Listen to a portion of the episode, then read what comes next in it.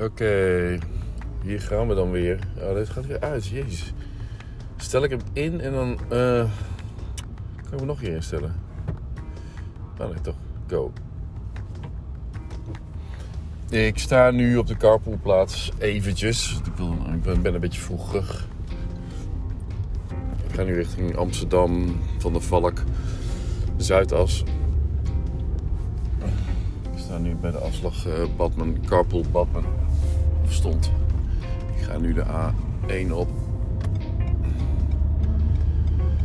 En uh, onderweg naar uh, de, de eerste videoopname van Philips. Uh, Philips heeft uh, plaats in hotels. Deze divisie die plaats in hotels. Uh, hoe het? Uh, panels, tv-panels. TV, ja, panels noemen ze dat hè. Die automatisch Netflix hebben. Dus automatisch ook het account, ook jouw account kunnen oproepen, geloof ik. Nou, ik moet er allemaal nog het, uh, het fijne van zien te onderzoeken en te weten. Maar dat ga ik dus eerst, daar ben ik nu naar onderweg. En dan ga ik daarna naar Transcontinenta. Dat is de importeur van um, Leica. Ja, dat vind ik dan stoerder, hè? om dan te zeggen dat hij uh, de importeur is van Leica. Maar hij is ook importeur, importeur van Tamron. En ik heb mijn Tamron, uh, uh, bij Tamron, uh, dat is van mijn nek zeg. 3550 bij me om terug te brengen. Die heb ik hem ja, eigenlijk één avondje even een beetje getest binnenshuis. En uh, ja, die ga ik verder niet reviewen. Uh, omdat het. Uh, ja, het is een mooie lens. Het is een fantastische lens. Maar hij is door zijn zwaarte voor mij onbruikbaar. Dus die ga ik nooit gebruiken. Dus dat, dat, uh, ik zou hem dan voor video gaan gebruiken. Maar als je zo'n joekel van een lens als, videolens hebt. Dan is dat niet lekker sjouwen. En ook zeker niet uit de hand makkelijk te schieten. Dus je zult altijd onder die lens een, een statief moeten hebben. En daar heb ik niet zo zin in. Of tenminste, ik wil hem ook op mijn Ronin S kunnen hebben. Ronin S ligt nu naast me als mijn mitrailleur op mijn bijrijderstoel. En uh, daar gaat zo de A73 op. Ik ben zo gek op die A73, hè. Al, al, al vier jaar nu al. Hè. Ik heb, in april heb ik hem uh, in principe vier jaar geleden gekocht. Heb ik er twee gekocht. En die A73, dat is zo'n aanrader. En nu ook weer denk ik, ja, ik ga nu filmen met de A73 omdat die ook, omdat ik binnen ga filmen en binnen is altijd een beetje low light. Dus uh, dan kan ik beter die A73 gebruiken dan mijn A7R4. Hè, in verband met, uh, met ruis, die je bij de A7R4 meer hebt omdat je meer pixels hebt binnen je, binnen je frame. Het is nogal een technisch verhaal, ga ik verder niet op in. Maar in lowlight kun je beter met uh, minder megapixels werken. Zo heeft bijvoorbeeld zo'n film, een echte filmcamera, heeft vaak maar 7 megapixels. Echt, echt, want ook die, um, die lowlight monsters van Blackmagic en zo, volgens mij is dat ook allemaal 7 megapixels. En de A7S3 is ook 12 megapixels. Dus dat is ook een, daardoor dan ook een um, lowlight monster. Nou ja, dit is 24 en dan kom je, dit is gewoon een, een, een average. Het is gewoon een mooi gemiddelde. En voor fotografie groot genoeg. En voor video in low light een goede, goede performer. Dus daar heb ik dan ook nog zo'n um, zo'n zo'n zo'n pink uh, dingetje onderaan gemaakt. Waardoor je dus uh, zo'n zo, zo, plaatje eronder, waardoor je pink uh, ergens op kan rusten. Anders heb je je pink altijd onderaan, je, onderaan de bodem van, uh, van de camera. Omdat het een vrij kleine camera is.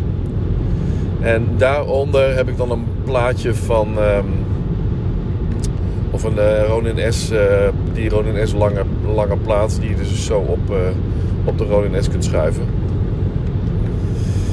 En ja, ik heb hem, eh, omdat ik een redelijk zware lens er wel op heb, de 1635. Is ook de eerste keer dat ik met die 1635 nu eh, op de Ronin S ga filmen, geloof ik. En dat voelt best goed. Hij is, eh, hij is aan de zware kant, maar kijk, zwaar kan ook lekker zijn voor de stabiliteit. Hè? Niet te zwaar, maar ook niet te licht. Licht kan ook te veel, ehm, te makkelijk. Te sne- en sowieso is die Ronin S natuurlijk op een bepaalde manier. Te, die moet je op een bepaalde manier hanteren. De behandeling daarvan eh, ja, moet je toch wel een paar keer gedaan hebben, wil je, het snappen. En meegaan met je, eh, meegaan met je object, zoals het heet. Meegaan met je persoon. Het zorgt ervoor dat je hem eerst, eerst wat moet draaien. Dus eerst in de, in de pols moet draaien. En dan moet meegaan in je schouders, zou je kunnen zeggen. Dus dat is een, eh, ook een bepaalde techniek. Die heb ik wel redelijk onder de knie. En die, die Philips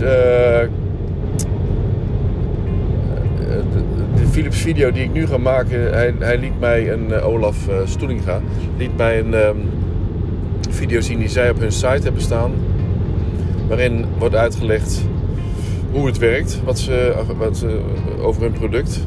En eigenlijk maak ik ongeveer hetzelfde natuurlijk, omdat het, eh, het product natuurlijk ook niet verandert. Dus de uitleg zal ongeveer hetzelfde zijn. Het gaat uiteindelijk over dat product. Dus ehm, nou, die video heb ik ook gezien. En dat was ook bij een Van der Valk trouwens. Eh, volgens mij was dat, ehm, ik herkende het, Van der Valk Vianen. En diegene die het opgenomen had, die heeft het ook gedaan met een Ronin S of met een andere Xeon Crane. Of in ieder geval met een stabilisator. En toch zag ik dat hij niet nauwkeurig genoeg eh, liep. Dus dat en vooral als je gaat versnellen, wat hij dus deed als je een ingang ingaat. Als je gaat versnellen, zo wil ik het dus niet doen. Hè. Ik wil niet zo'n, ik wil niet bij- een, nou ja, dan moeten we even bespreken hoe we dat gaan aanpakken. Bij een hotel naar binnen vind ik zo standaard, zo'n begin.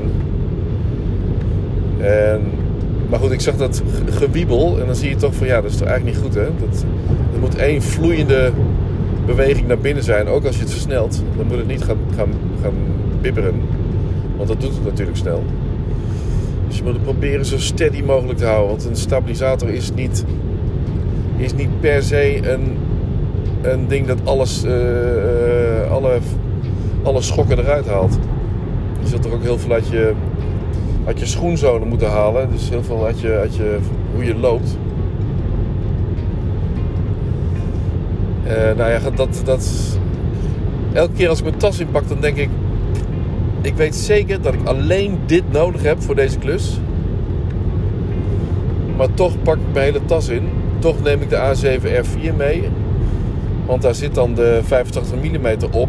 En ik denk van ja, mocht ik toch die 85 mm nodig hebben, dan, eh, dan heb ik hem bij me. En ja, mocht ik toch, wat heel raar zou zijn, mocht ik toch te weinig accu hebben, dan zitten er nog accu's in de A7R4 en dan kan ik die eruit halen, hoewel ik nou gewoon een re- reserveaccu ook nog erin heb zitten. Dus dat, is- dat gaat al niet meer op. Maar ik neem dan toch nog een tweede camera mee en zelfs een derde camera, want mijn Leica zit er gewoon hier in mijn auto. En ik neem in die tas mijn Sony koptelefoon mee, mijn gewone professional, zo'n blauwe. En daar zit, ik heb mijn flitser er natuurlijk wel uitgehaald. En wat heb ik er nog meer in zitten? Oh ja, de 55 mm die ik waarschijnlijk denk te gebruiken. Maar eigenlijk zou zo'n Ronin S met zo'n Sony A7 III plus de 1635 2.8 erop genoeg zijn. En dan nog een 55 mm lensje erbij voor als ik detail, detail eh, eh, shots wil maken, wat ik zeker ga doen. Dat, eigenlijk zou dat voldoende zijn. Dus eigenlijk met die Ronin S en die camera er al op, plus een extra lensje, in mijn zak. Dat zou genoeg zijn. Maar toch neem ik dan die tas mee waar ook ook nog een, een LED-panel in zit of een lamp, uh, uh, lamppanel. En, uh, en, en batterijen en um, what have you. Wat zit er nog meer? Oh ja, nee, maar toch goed, um, want ik heb ook geluid bij me. En ik zag in mijn stappenplan voor de documentaire. Er is een blaadje gemaakt voor degene die geïnterviewd worden. De, de acht personen, zodat ze weten waar ze zich op moeten voorbereiden en hoe ze zich moeten voorbereiden. Nou, in het stappenplan staat ook dat je tijdens de eerste opname zeven vragen wordt gesteld. Nou, ik ben benieuwd of iemand. ik hoop het. Ik hoop dat ze dat gedaan hebben. Of dat Olaf dat in dit geval gedaan heeft. En dan kan ik, um, dan kan ik daarmee aan de slag. Maar ik denk dat we gewoon, dat het, omdat het gewoon een beetje dezelfde video wordt als ze al op de site hebben staan. Maar dan beter. Dat die vragen uh, misschien helemaal niet, uh, of dat die vragen gewoon snel te formuleren zijn. En snel te beantwoorden zijn.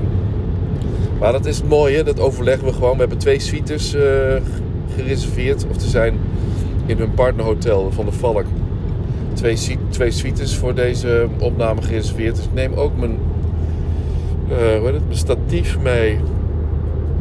Waar mijn Manfrotto plaatje op zit. Want ik heb nu dus ook de statief in die tas zitten.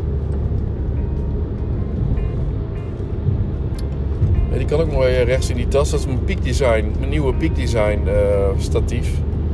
Dat mooie dingetje. Dat is echt een, dat is een geweldige, dat is echt een aanrader. Uh, hoewel het ook weer onhandig is dat hij geen Arca, Arca Swiss is geloof ik een uh, algemeen, algemeen plaatje wat er dan op kan. Maar anders zo'n Manfrotto plaatje past daar niet op. Dus je hebt eigenlijk alleen maar de Peak Design plaatjes, plates, die je onder je camera schroeft en dan op de statief uh, bevestigt. Die past. En verder niet. Dus als ik wil wisselen met camera en er zit een Manfrotto plaatje onder, dan kan ik die niet meteen op die Peak Design zetten. Dan moet ik, dat, dan moet ik gewoon die Manfrotto plaat eraf halen, die Peak Design erop draaien. En dan, weet je wel, er gaat heel veel tijd in zitten. Dat, dat, dat wil je dan juist niet. Ik heb altijd Manfrotto uh, plaatjes gehad. En uh, ook op die um, Gitso statief past zo'n Manfrotto. En dat moet je hebben, dat die Gitso's uh, ruimte geven aan Manfrotto om, om hun plaatjes te gebruiken. Niet dat je dan per se een Gitso plaatje moet gebruiken. Want daarom, ja, het jammer is van, van deze Peak Design, dat is het enige jammere eigenlijk. Dat er een Peak Design plaatje op zit. Voor de rest is het een ideaal ding en ja, is het, niet, niet, is het gewoon heel licht om mee te nemen. En het is echt een, een makkelijk statief om in je tas te hebben en mee te nemen. En, niet, en eigenlijk niet voor dit soort uh, opdrachten. Want ik ga, denk ik, mijn, uh, mijn A7 III er op een gegeven moment afhalen als ik een scherm ga, uh, scherm, scherm ga filmen. Als ik een scherm ga filmen, dan ga ik dat niet met de Ronin S doen. Maar dan zet ik hem gewoon stabiel op een uh, statief. Als ze iets willen uitleggen over, over dat scherm. En dan moet ik hem dus van mijn Ronin S afhalen, op een statief zetten. En dan moet die, die plaat die moet op die statief passen. Nou, dat past hij dus als hij op die gids zo gaat. Kan ik hem meteen opzetten. Daarom neem ik die statief, heb ik die statief ook bij me, extra bij me. En ik denk dat ik eigenlijk die statief als enige voor deze klus nodig zou hebben. Met mijn Ronin S en die camera erop. En een extra 55 mm. Dan was ik klaar geweest. Maar voor de zekerheid heb ik nog een lamp erbij. Om eventueel met een interview of zo. Uh, om een goed licht te hebben als ik uh, tegenlicht heb of uh, wat dan ook. Ik ga niet met tegenlicht. Ik, ga, ik hoef geen. Het is ook zo overdreven dat je altijd moet kijken naar buiten. Dat, het gaat om de persoon die iets vertelt. Dus die persoon moet goed belicht zijn. Dus ook gewoon goed van buitenaf belicht. Dus ook vanaf. Dus hij kijkt ook naar het raam. En wordt door het buitenlicht goed, goed belicht van zichzelf. Dan krijg je de mooiste, Ik weet dat ik zo heb liggen klooien met... Dat per se moest de tuin op de achtergrond bij een opname. En ik heb wel drie, drie lampen heel dichtbij op de persoon gericht. En alsnog zijn ze dan nog niet... Uh, is, is, is, is het resultaat gewoon niet mooi. Dan denk ik, ja, doe dat gewoon niet. Zet die eh, persoon gericht op, uh, op het raam naar buiten. En laat hem kijken naar buiten. Waardoor jij buitenlicht hebt op, uh, op zijn gezicht. En dan komt alles prima uit. Zo moet ik dat nu ook doen. En altijd eigenlijk. Of dat is mijn stijl gewoon. Ik ga, het hoeft niet te zijn dat ik, dat ik dan ook weer zo'n enorme zware camera moet hebben die alle highlights uh, naar beneden kan halen en alle shadows omhoog kan halen om het beste resultaat te krijgen en dan mijn lutsen met uh, um, S-log en zo, daar werk ik niet mee. Ik werk gewoon met, de standaard instellingen. Het gaat mij niet om, om, om het ultieme gekleurde beeld. Wat ik al heel vaak overdreven vind. Dat, zie je meteen gewoon. Oh, het is, of het is heel of het is een beetje, er zit een, lijkt een laag van vaagheid overheen te zitten. Een laag van lichte mist. Bij sommigen. En waarvan men waarvan de, de, de filmer dan denkt dat is, ja, ja, zo hoort het of zo, zo, zo moet het. En zo wordt het door de community gezegd dat het uh, eruit hoort te zien met mijn uh, S-log, C-log, F-log. Maar uh, de standaard instellingen op goede camera's zijn gewoon goed genoeg. En dan, heb je, dan moet je gewoon in de gaten houden dat je, dat je niet te veel met highlights gaat werken. Dus dat, je, dat de highlights geen overhand moeten krijgen in je beeld. En dan heb je, als je dan te veel highlights hebt, heb je waarschijnlijk ook gewoon te veel lucht in, uh, in, je, in je frame zitten. En dat leidt alleen maar af. Zo, dat is ook weer uh, gezegd. En... Um, Ik ga lekker. Ik heb om 12 uur afgesproken. Het is, uh, aankomst is nu 5 over half 12. De zit er te rijden. Ik mag hier maar 100 toch? Ga gewoon ook even. Ik blijf ook even 100 rijden. Want ik heb geen zin in. Uh... Dit is uh, mijn eerste ritje weer zo'n beetje naar Amsterdam in het nieuwe jaar. Toch? Ja, we, zijn, we zijn nog naar het strand geweest. Maar dat is niet voor werk. Dus het gaat weer langzamerhand beginnen. Ik, ik, werd een beetje onrustig ook, want het was gewoon helemaal niets te doen. En dat, uh, dat hou je niet vol. Dat is niet. Dat is, je vindt het, het is even lekker dat je denkt: ah, dit is dus echt de vrijheid die je als ondernemer uh, kunt pakken. Maar dan gaat een beetje aan je knagen. En dan denk je van, oh, ik, moet, ik moet gaan bellen of zo. Ik moet, gaan, uh, ik moet mensen gaan mailen. Dat heb ik gedaan. Ik moet weer geld harken. Dus het moet weer binnenkomen. ik moet aanvullen. En weet je wel. Dus dat,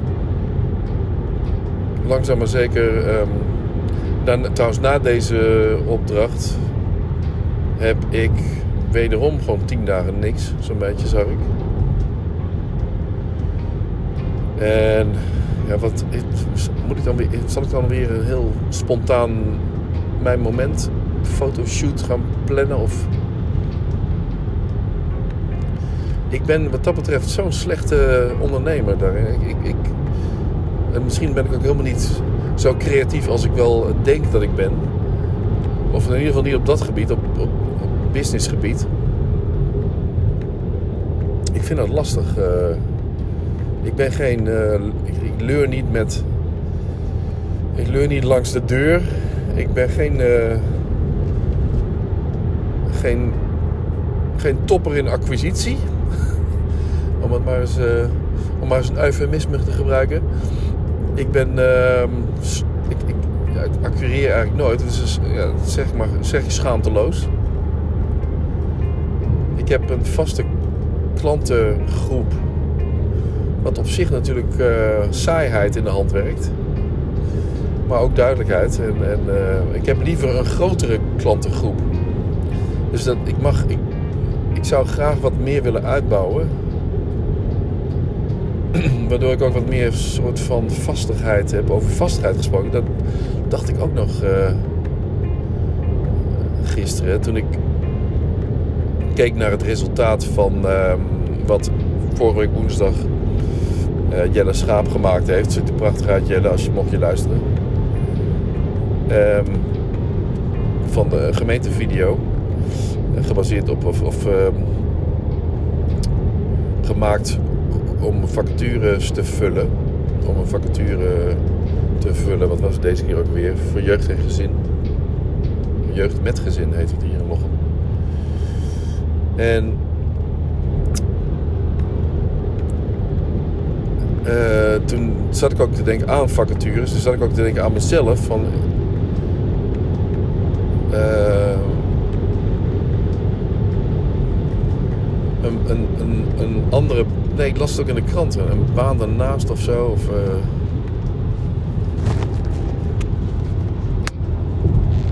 wat was het ook weer? Of dat jongeren, nee niet jongeren, maar gewoon dat mensen heel veel, heel vaak nu. Oh nee, het ging over de zorg, ja. Dat je. Nee, onderwijs. In de NRC stond iets over onderwijs. Uh, zag ik wat profielen of zo van mensen. Oh nee, fotografen van. Uh, die in de op een basisschool in Nijmegen, ik herken het. Stond zij op een foto met een camera in haar hand. En, oh ja, foto, fotografien werd ze genoemd. Fien heette ze. Fotografen. En um, parttime uh, onderwijzeres nu. En toen dacht ik, ja, dat zou ik ook best kunnen. Of Monique zei altijd, je moet echt in het onderwijs. Je moet iets met kinderen gaan doen. Je moet iets... Uh, je vindt het zo leuk met kinderen om, uh, om ze dingen uit te leggen. Of, en, en, ze vinden jou zo grappig. En gisteren zaten we allebei te kijken naar uh, Afterlife. En toen moest ik daar ook aan denken. Want er komt er komt nog, ik zit Afterlife nu weer voor de tweede keer te kijken, nu met Monique. En er komt straks nog een scène waarin hij, waarin hij zijn collega belachelijk zit te maken tegen een, uh, kindje met kanker, die op een kinderkanker of een ziekenhuis. hij is dan in een ziekenhuis met kinderen met kanker, dus met kale koppies. En dan maakt ze een itemje over. En dan komt hij in de gang, komt iemand tegen. En uh, dat doet hij dan zo grappig mee. En, die, en dat, dat jongetje zegt dan van, je moet elke dag komen. Want je bent zo grappig. En toen dacht ik ook bij mezelf, ja dat gevoel heb ik ook heel vaak bij kinderen. Dat ze mij zo grappig vinden. En, uh, en uh, oh ja, dat heb ik met, met voetbal bijvoorbeeld ook. Je hebt soms van die, van die serieuze trainers. En ik heb een tijdje gehad dat dat was het ging niet zo helemaal goed met, een trainer in, eh, in de groep waar Boris of, of Joep in zat, dat weet ik niet meer. Ik denk Boris. En toen heb ik een paar keer die training overgenomen. En toen hoorde ik, jongens zeggen van... Oh, dat was zoveel, zoveel leuker. Zo'n leukere zoveel leukere training. En het was helemaal niet zo serieus. En, uh, ik kan geen... ik kan heel slecht orde houden. Dus het is eigenlijk helemaal niet goed om voor mij voor mij het onderwijs te gaan. Want ik zit veel te veel met de kinderen ook weer te geinen en zo. Ik heb, ik heb een, ook eens een keer een lesje gegeven op, in groep 7 over film of video maken, vloggen. En uh, dan ik ook nog, waren ze ook allemaal zo super enthousiast. Mocht ik allemaal de camera's vasthouden en bekijken en dat vind ik helemaal niet erg. En de, de, docent die, was meer, die werd helemaal zenuwachtig. Van, oh, dat is een dure camera en uh, mag je niet aankomen. En ik gaf ze gewoon het vertrouwen. Jongens, maak hem niet stuk, hè. Maar uh, voel hem even aan. Jij mag hem gebruiken als je hem goed vasthoudt en zo. Dit is het knopje van aan en uit. En uh, maak mooie beelden, niet te veel schudden en zo, want anders worden we misselijk. En nou, ze vonden het fantastisch, die les. Ik ben benieuwd of ik voor de rest onderwerpen die me niet zo interesseren, of ik dat ook kan overbrengen. En of dat een complete chaos wordt. Maar uh, ja, dat, dat, had ik dus gelezen al. Uh, kwam ik hierop, weet ik ook niet.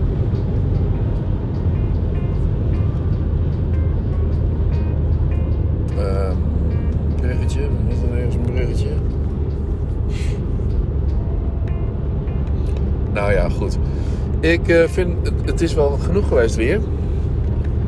Um, anders wordt het weer zo'n lange. Ik hou het hier ook een beetje bij. Ik ga niet als ik terugkom uh, met Lola. Nou ja, weet ik niet. Of ik dan, of ik genoeg te vertellen heb. Ik ga, misschien gebeurt er nog wel iets bij Transcontinenta. Je weet nooit. Jezus. Allemaal bestelbusjes op een, uh, op een trein. Was ook weer een foto geweest.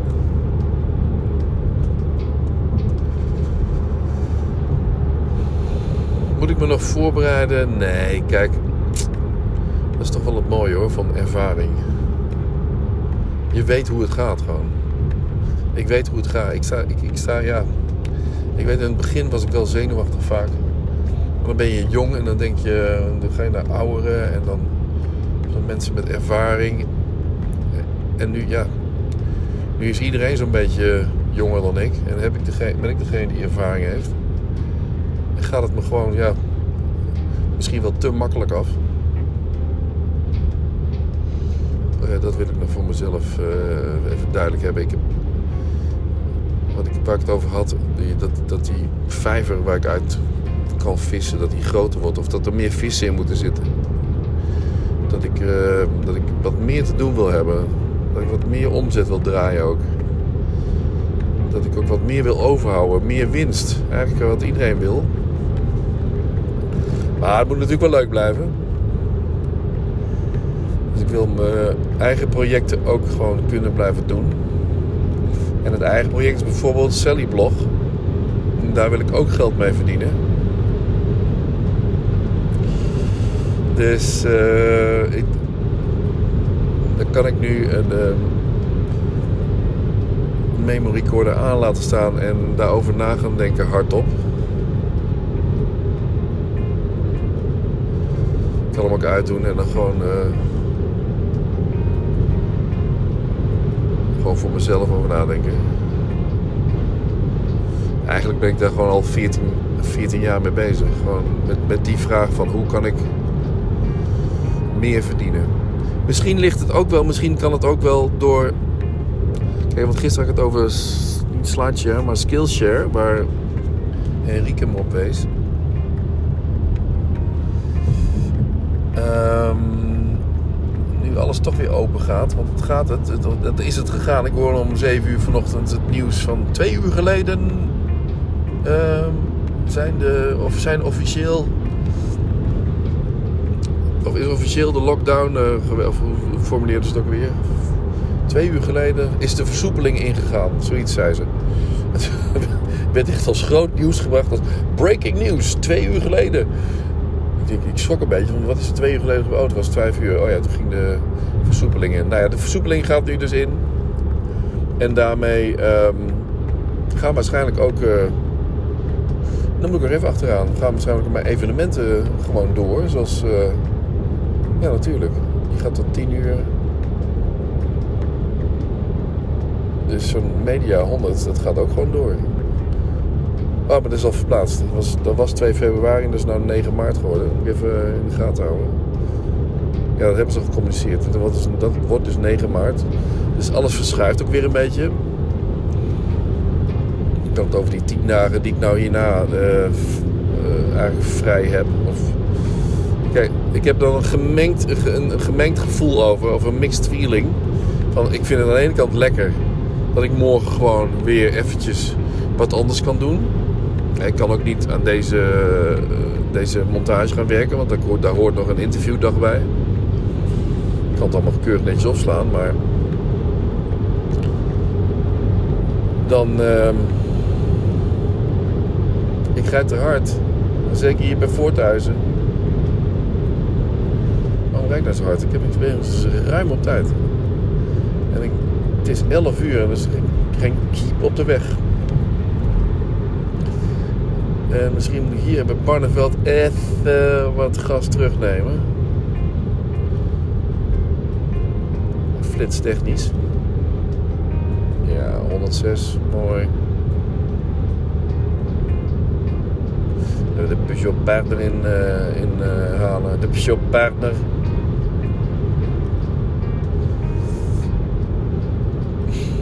Jeetje, dat is lang geleden.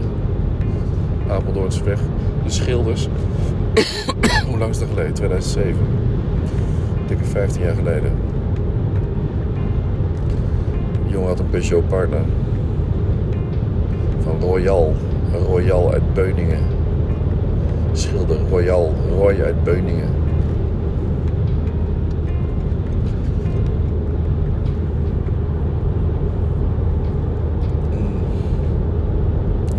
Zitten we 100 rij. Ik zal hem even in de automatic zetten.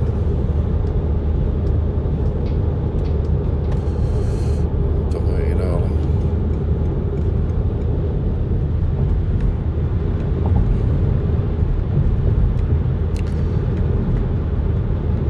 Nou, ik denk toch dat ik.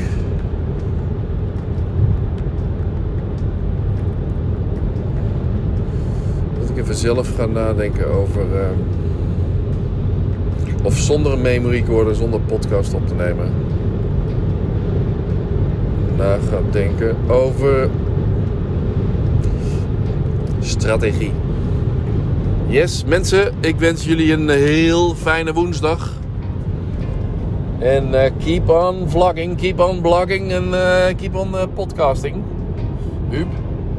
Ik zat gisteren nog te zoeken trouwens, Michiel, op jouw naam. Of jij al een podcast was begonnen. Ik zag wel dat je van, voor Joost al een paar keer met podcast bezig was geweest of geïnterviewd. Ik heb hem niet geluisterd. En in dat rijtje kwam jij ook, kwam ik mezelf ook mijn eigen podcast tegen. Dus ik heb jou ook een paar keer in de titel genoemd. Maar nog geen eigen podcast dus. Uh, Jeroen Sfeers ga ik ook eens even opzoeken of hij al een eigen podcast heeft. Daar had ik het gisteren nog ook nog eventjes over. Heel kort dan nog even. Um, ik zou het wel lachen vinden als je een community van, van een community hebt die naar elkaar luistert in een podcast. Dus dat dat veel meer waarde kan hebben dan dat je heel, heel, een heel grote podcast hebt. Met heel veel luisteraars. Die je dan kunt bereiken en waar je dan geld mee kunt verdienen. Ik weet, ik zou niet weten hoe, maar waarschijnlijk. Veel geld zal je niet aan verdienen. Of je moet die Rogan zijn. Weet je, weet Johnny Rogan? Nee. Uh, de, de meest geluisterde podcast. Joe Rogan, ja, Joe Rogan. Ook nog nooit geluisterd trouwens, maar. Um, ja, het is, het is. Podcast. De, de, techniek eigenlijk is dat je. Ja, dat het. Eigenlijk, eigenlijk is het radio onbeperkt radio. Dus, dus als je. Met, daarom zijn die nachtuitzendingen ook vaak heel goed als podcast te beluisteren. Want die nachtuitzendingen, dat zijn eigenlijk al podcasts, zou je kunnen zeggen. Of die podcast die je nu hebt, dat, die, die zouden heel goed nachtuitzendingen op de radio kunnen, kunnen zijn. Heel, heel lang en diepgravend en lange interviews van een uur en soms wel twee uur. En, hè, bij het, bij uh, Nooit meer slapen, nee, dat Nooit meer slapen is gewoon één uur. Hè. En dan gaat het ook in die nachtelijke uren met Misha Blok over podcasten. Zo dubbel natuurlijk. Hè. Dus, op de radio dat je verschillende podcasts gaat beluisteren. Maar goed, dat is dus eigenlijk techniek. En eigenlijk ben je gewoon een radiootje. Hè? Podcasts zijn heel vaak gewoon radio-uitzendingen. Ook met, met aankondigingen en met een opbouw. En, uh, en eigenlijk is dat helemaal niet zo spannend. Je maakt, als je een radio kunt maken, ja, dan kun je ook, kun je gewoon een goede podcast maken. Want je weet, je weet welke knopjes je moet uh, bedienen. En uh, het is alleen het uitzenden dat anders is. Want dat gaat gewoon in een blogsysteem eigenlijk. Hè? Gewoon bovenop elkaar. En daarom zijn radio-uitzendingen ook vaak als podcast terug te vinden.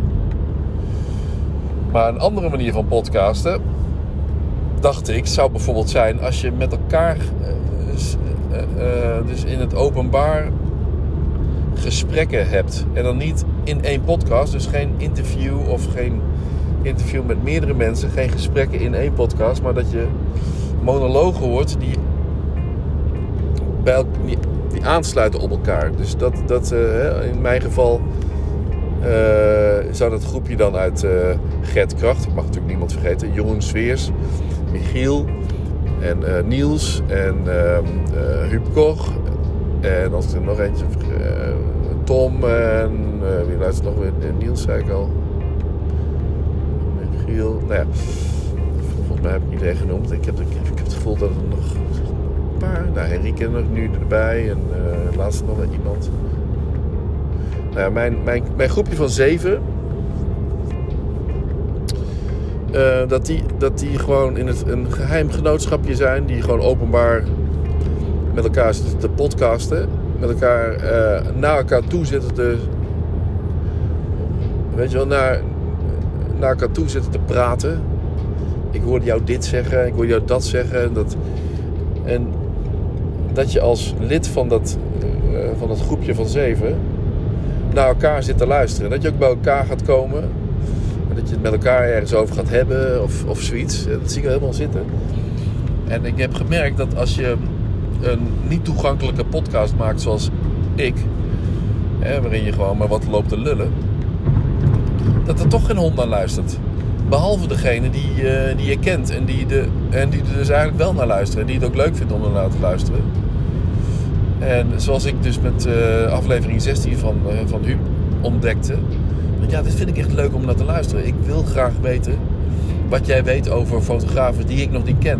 En die ga ik dan opzoeken, want ik ken jou namelijk. Jij bent mijn anker. Jij bent mijn ankerpunt. Jij weet, jij, jij, omdat ik jou ken, vertrouw ik jou en vertrouw ik ook jouw kennis en vertrouw ik ook jouw uh, vakmanschap.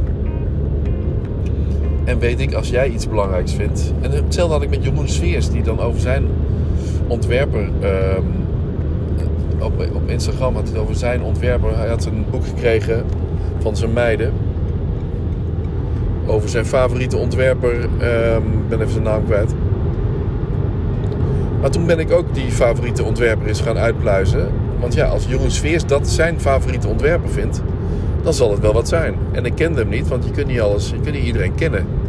En ik heb bijvoorbeeld, ik heb bijvoorbeeld mensen die ik ken en die, die Huub weer niet kent, wat hij ook aangaf, zoals Paul Ridderhof. Daar heb ik mee gewerkt. En ja, die, weet je, daar, daar net zoals dat met mijn moment, dat mijn momenters elkaar, elkaar kennen van mijn moment en elkaar opzoeken door mijn moment. Die kennen elkaar niet, eerst niet. En met zo'n podcast denk ik dat ook van als je.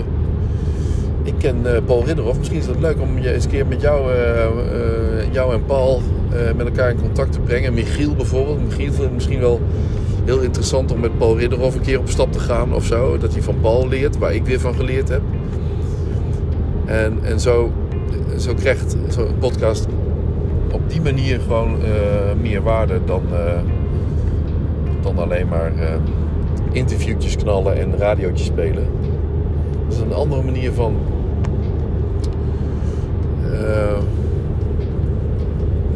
van waarde. Een andere manier van waarde opbouwen. Van, ik doe dit voor mezelf. Hè. Ik luister voor mezelf luister ik deze podcast op de terugweg waarschijnlijk af. En dan luister ik naar mezelf. Ik, mijn, mijn stem is mij helemaal niet meer vreemd natuurlijk. Hè, want ik uh, hoor mezelf niet alleen bij die podcast veel, maar gewoon bij interviews, uh, video. En nou in ieder geval, mijn stem klinkt mij niet meer vreemd. Want, heel veel mensen hebben van, oh wat vreselijk om jezelf te horen. En ik, denk, nou, ik vind het helemaal niet vreselijk om mezelf te horen. Ik luister graag naar mezelf. En datgene wat ik te vertellen heb, daar haal ik voor mezelf ook weer dingen uit. En, of breng me op een ander idee. En dat heeft voor mij al heel veel waarde, dat is één.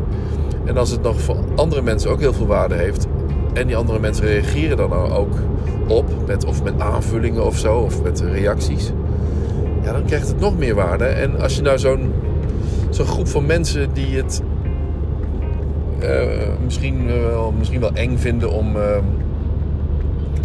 om dingen openbaar in te spreken, of misschien het gevoel hebben van ik heb niks, niks te zeggen. Ik dacht ook altijd van ik net zoals Betters zei van ik heb geen verhaal. Ik denk, ja, ik heb gewoon, ik heb geen verhaal. Wat heb ik de wereld nou te vertellen? Ik, ik, wat doe ik nou? En wat, wat.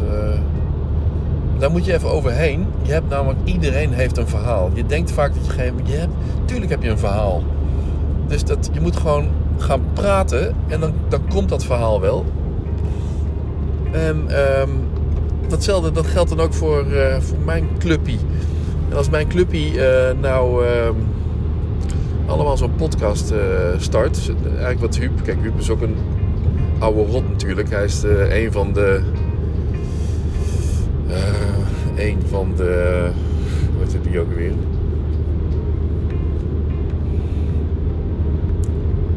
fittest content creators. Hè? Hij zat ook in de Battle of the fittest content creators. Mij moet ik hier links aanhouden. Naar Amsterdam.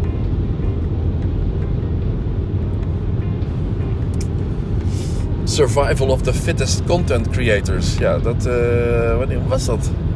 Begin van mijn. In 2008 was dat. In 2008 hebben we dat gedaan en in 2011. En dat is, dat is zo'n groepje waar ik het nu over heb. Dat is zo'n groepje dat. Dat ook in die tijd doen. En dan heb je het over Marco Rapos, waar ik nog steeds veel online contact mee heb. Ik ben de laatste tijd niet vaak geweest, maar online veel contact mee. Veel mailcontact, veel uh, Twitter, DM. Erno Hanning, uh, die ook op mijn uh, verjaardagsfeest was. Ehm, Laura Babliowski, ja, die, heb, die zie ik eigenlijk nou niet meer. Dat hoeft ook niet per se. Anne, of Sanne bedoel ik. Sanne Roemen. En wie zat er nog meer bij? Ja, Huub, Huub Koch dus. Engelfried. Uh, Engelfried. Uh, niet die ene Engelfried, want die ken ik dan ook weer. Maar die andere Engelfried. Die, die ICT... Nee, die... Um, IT-recht. Engelfried. Nee, zijn voornaam kwijt. Maar toen was Huub ook al films aan het maken, weet ik. Over die content uh, makers. Fittest content makers. Ik zat daar toevallig ook bij. Mij dan op bij heeft gesleept, weet ik ook niet. Maar ik zat waarschijnlijk in dat uh, clubje. En uh, Marco zat erin. Daar zat er nog meer in. Oh ja, Erno Meiland. Die zat er ook volgens mij in. Erno Hanning had ik al genoemd, hè? En die gingen dan, we gingen dan, of we zijn twee keer bij elkaar gekomen om het gewoon over content te hebben. Ik heb geen idee waar het over ging. Ontwikkelingen en uh, weer business, denk ik ook. Of je ervan kon leven, of uh, waar het allemaal naartoe gaat. Dat is eenzelfde clubje van geïnteresseerden. Als je, naar, als je het volhoudt om hier al uh, 42 minuten naar te luisteren op je rit naar Amsterdam, dan vind je dit interessant. Hè? En dan is het misschien wel leuk om eens een keer bij elkaar te komen.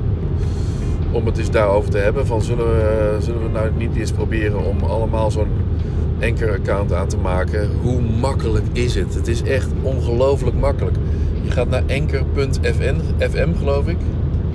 Je maakt een account aan en je begint. Je, het wijst zich vanzelf. Je hebt die app. Je klikt op die app. Je zegt nieuwe aflevering maken. Je klikt op opnemen en hij gaat lopen. En daarna uh, dan uh, stop je en dan, dan krijg je automatisch in beeld uh, een aantal dingen waar je uit kunt kiezen. En dan voeg je, dan klik je op achtergrondmuziek toevoegen. Dan krijg je een drop-downtje en dan kun je doorheen scrollen op je telefoon. En dan pak je gewoon een achtergrondmuziekje. En zoals ik eigenlijk normaal gesproken doe. En dan klik je erop en, zet, en dan, dan, geef je het een titel. En uh, wat ik altijd doe is gewoon een titel. Wat, titel en in die beschrijving die titel herhaal ik dan. En uh, alles, alles kost me dat veel te veel tijd. Zo makkelijk kan het gaan. Zullen we dat gewoon gaan doen? Mensen die tot hier zijn gekomen.